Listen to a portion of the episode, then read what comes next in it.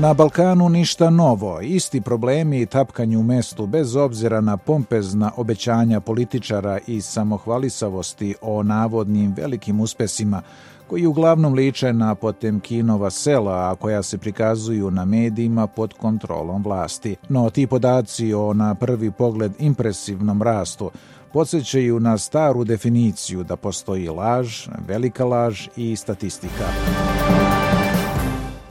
Ispod te slike lažnog sjaja krije se beda sve većeg broja građana koji jedva sastavljaju kraj s krajem, masovan odlazak mladih, sve izraženije autoritarne tendencije, polarizovana društva kao i veoma zategnuti međunacionalni odnosi koji retorski podsjećaju na 90. godine – Kada je reč o toliko hvaljenim uspesima u evropskim integracijama, uprkos napretku u tehničkom smislu, nereformisane i dalje zavađene balkanske države u suštini u najboljem slučaju tapkaju u mestu na tom putu.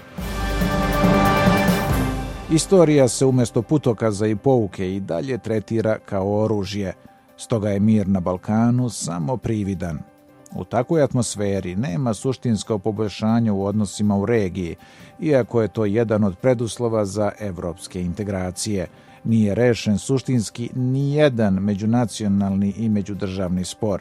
Doduše, lideri zemalja regije se povremeno sreću kao deo domaćeg zadatka na evropskom putu.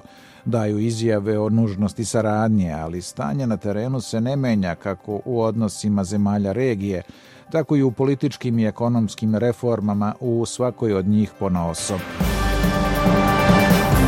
Balkanske zemlje idu ka Evropskoj uniji pre svega zbog ekonomskih benefita, bez želje da se suštinski reformišu i kada jednog dana uđu u evropski blok ponašaće se neevropski, kao što sada čini Hrvatska. Reč je uglavnom o tehničkom pomaku, ali bez suštinskog napretka. Umeđu vremenu, pod firmom multilateralne saradnje, sve više se okreću ka drugim akterima kao što su Rusija, Kina, Turska i arapske zemlje. Evropska unija je zaokupljena raznim krizama, stoga je politika proširenja u ovoj fazi suštinski klinički mrtva.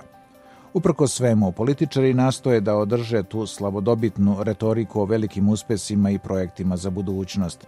Međutim, ona ne može da prikrije očaj, zbunjenost, frustriranost i obespravljenost građana koji plaćaju previsoku cenu takve politike.